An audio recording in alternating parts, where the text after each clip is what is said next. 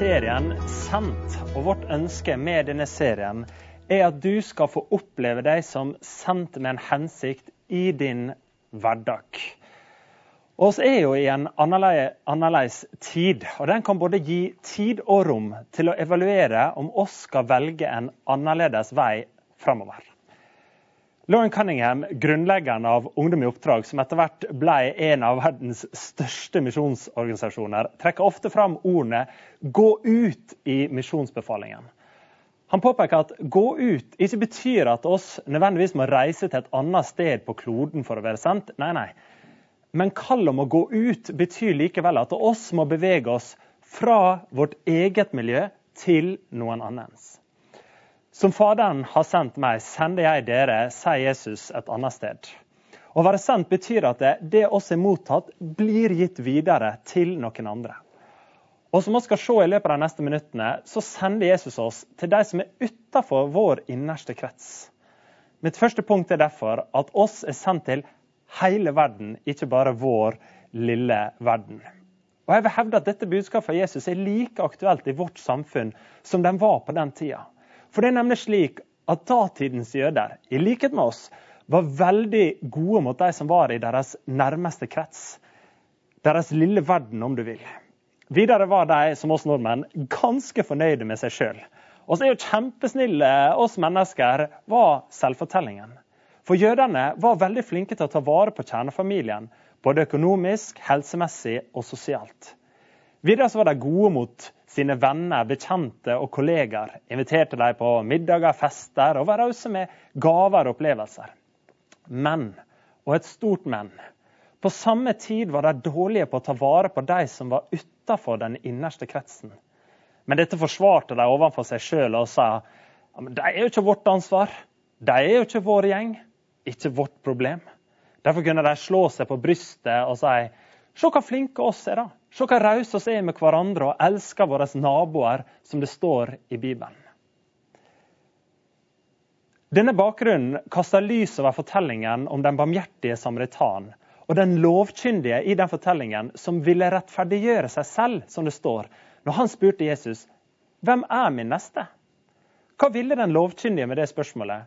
Jo, som en god advokat pekte han på at en lov måtte jo avgrenses til noe eller noen.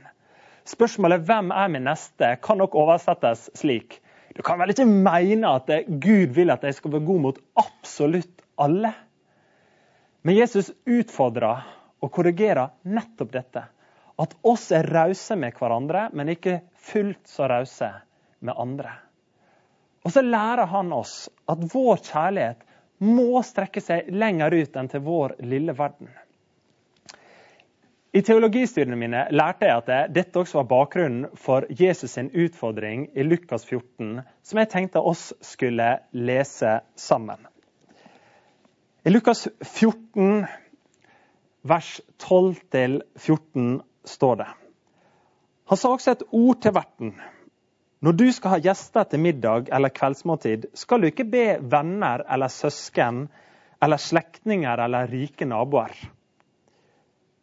Du får For de kommer til å be deg igjen, og dermed får du gjengjeld. Nei, når du skal holde selskap, så innby fattige og uføre, lamme og blinde. Da er du lykkelig, for de kan ikke gi deg noe igjen.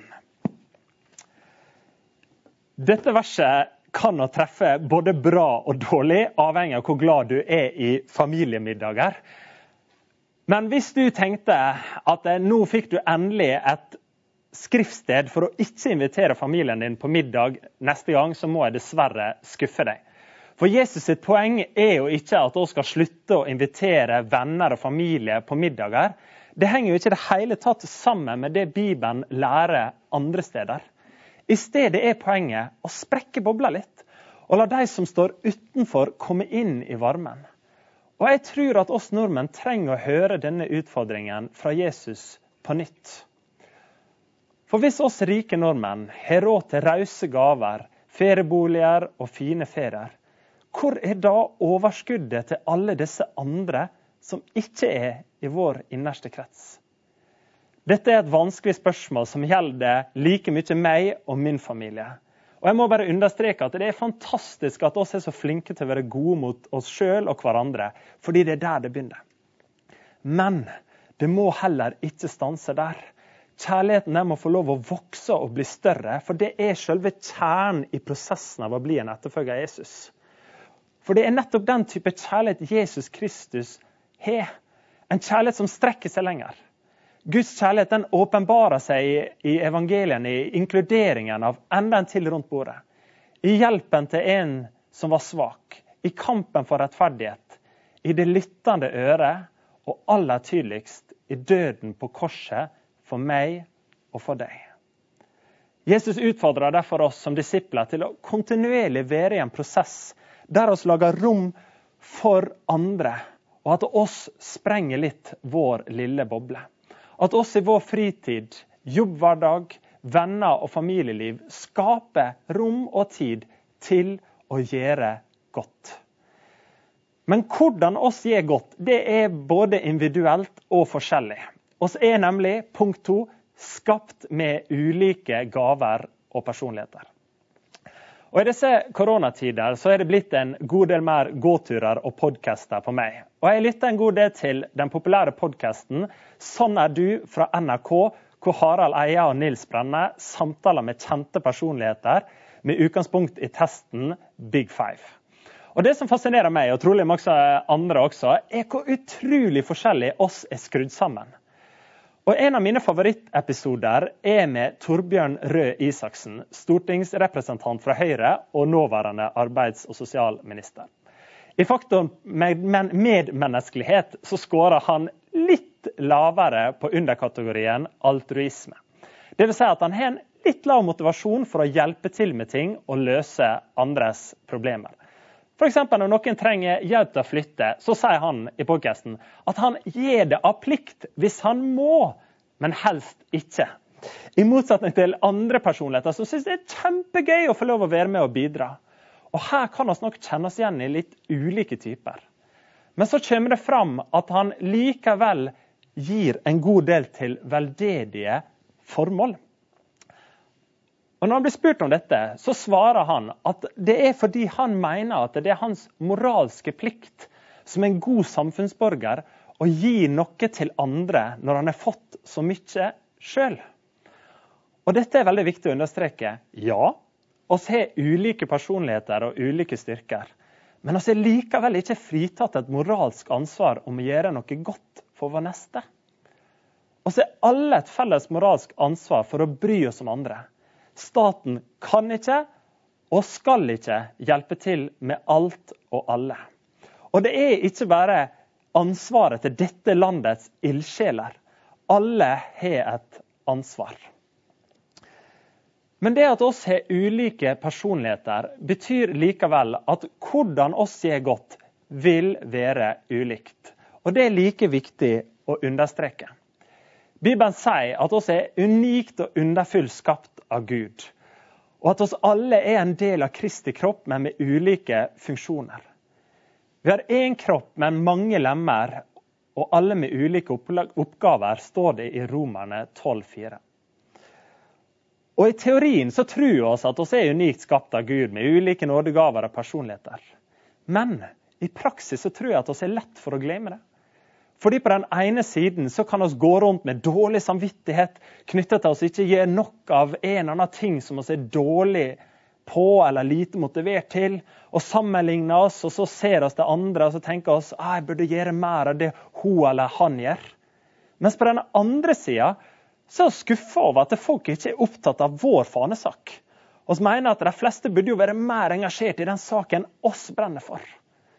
Og så er det altså en tendens til å dytte vår hensikt over på andre. Kjenner oss igjen i dette?